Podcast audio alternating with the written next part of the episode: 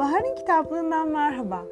Dal Carnegie'nin Doğru ve Etkin Liderlik başlıklı kitap notlarımla sizlerleyim. Kitap, liderlik yeteneklerini geliştirmek ve insanlar üzerinde etkili bir şekilde liderlik yapmak isteyenler için değerli ipuçları ve rehberlik sağlıyor. 9 bölüme ayrılmış olsa da ana hatlarıyla şu bilgileri içeriyor. Liderlik Carnegie, liderliğin sadece otorite ve güç kullanmak olmadığını, aksine insanları etkileyerek ve onların motivasyonunu sağlayarak işleri başarma sanatı olduğunu vurgular.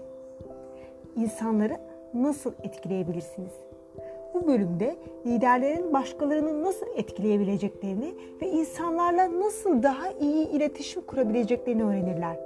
Carnegie, insanların içsel motivasyonunu anlama ve onları takdir etme önemini vurgular. Ayrıca bir iş görüşmesi üzerine okuduğum, liderlik üzerinden detaylandırılmış önemli bir bölümün yer aldığını da söyleyebilirim. Etkili liderlik becerileri. Kitabın bu bölümü etkili liderlik için pratik beceri ve stratejilere odaklanır. Ekip çalışmasının ve takım liderliğinin önemini anlatır. Karar alma süreçlerindeki zorlukları ele alır ve doğru karar verme yöntemini açıklar. Bu bölüm içinde performans sonuçları tanımı ile ilgili bir bölüm de bulunuyor. İnsanları nasıl motive edebilirsiniz? Carnegie bu bölümde olumlu takdirin, ödüllendirme ve teşvik etmenin çalışanların performansını nasıl arttırabileceğini açıklıyor. Ayrıca liderlerin çalışanların potansiyelini ortaya çıkarmak için nasıl mentorluk yapabileceklerini ve onları destekleyebileceklerini vurguluyor. Liderlik zorlukları ve başarı için ipuçlarını esasında okuyucu veriyor. Çatışma yönetimi, strese başa çıkma ve değişime uyum sağlama gibi önemli konuları kapsayan bu bölümde Carnegie liderlerin özgüvenlerini nasıl güçlendirebileceklerini ve başarıya ulaşmak için odaklanmaları gereken noktaları belirtiyor. Yani bu kitap bir rehber tadında. O halde gelin 9 bölümden oluşan Doğru ve Etkin Liderlik kitabından altını çizdiğim notlarla da birlikte bu kitabı gözden geçirmeye devam edelim. Yazar ön söz kısmında kitaba şu şekilde bir giriş yapmış. İşinde başarılı olmaya hedefleyen herkes liderlik ile yönetim arasındaki becerilerini dengelemelidir. Ortak bir vizyon oluşturup bunu kuruma yaydığında ortaya çıkan güçlenmiş tepki bizi bir üst seviyeye taşır. İnsanlar rolünü görev odaklı görmeyi bırakıp sonuç odaklı hale gelirler. Yazar güçlendirilmiş davranış olarak gördüğü bu vizyonu çalışanlarıyla süreç arasındaki dengeyi kurmak için kullanıyor. Ayrıca motivasyonla sorumluluk arasındaki dengeyi kurmak ve çelişki ile olumsuzluklarla başa çıkmak konusunda da örnekler paylaşıyor.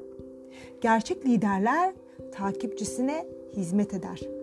Bunu otel zinciri sahibi Willard Marriott şöyle özetler.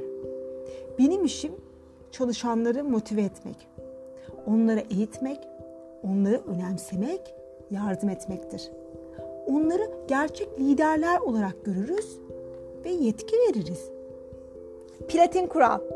İnsan yönetiminin altın kuralı. İnsanlara nasıl davranılmasını istiyorsanız siz de o insanlara o şekilde davranın. Psikologlar bize bir insanın işiyle ilgili olan ilişkisinde beş temel motive edici etken olduğunu söyler. Birey olarak kabul görmek, işinden gurur duymak, ait olma duygusu, adil davranmak, fikirlerini ifade etme fırsatı. Ekip oluşturma. Çoğu yönetici birimlerindeki boş bir pozisyonu doldurmayı asıl işlerini yapmaktan onları alıkoyan bir şey gibi görür. Ne yazık ki bu yöneticiler kendi uzmanlık alanlarındaki işleri yapmakta genelde yetenekli olsa da başarılı işe alım için gerekli eğitim ve deneyimine sahip değildir. Sayısız hatalar meydana gelir. En kötü ihtimalle işe alınan insanlar başarısız olmaya mahkumdur. Bir mülakat esnasında biriyle konuşurken dikkat edilmeli. Sıkılgan bir tavır takılmayın ve yüz ifadenizde ben bunları biliyordum belirtisi olmasına izin vermeyin. İnsanlarla uğraşırken mantıksal canlılarla değil, duygusal canlılarla uğraştığınızı unutmayın. Her şeyi doğru yapmanız sadece tek bir yolu vardır. Karşınızdaki kişinin bunu yapmak için o işi istemesini sağlamak. Herkes eleştirebilir, suçlayabilir ve şikayet edebilir. Fakat anlayıp affetmek için karakter ve otokontrol gerekir. Bahar'ın kitaplığı bu bölüm sona erdi. Bir sonraki bölümde görüşmek üzere.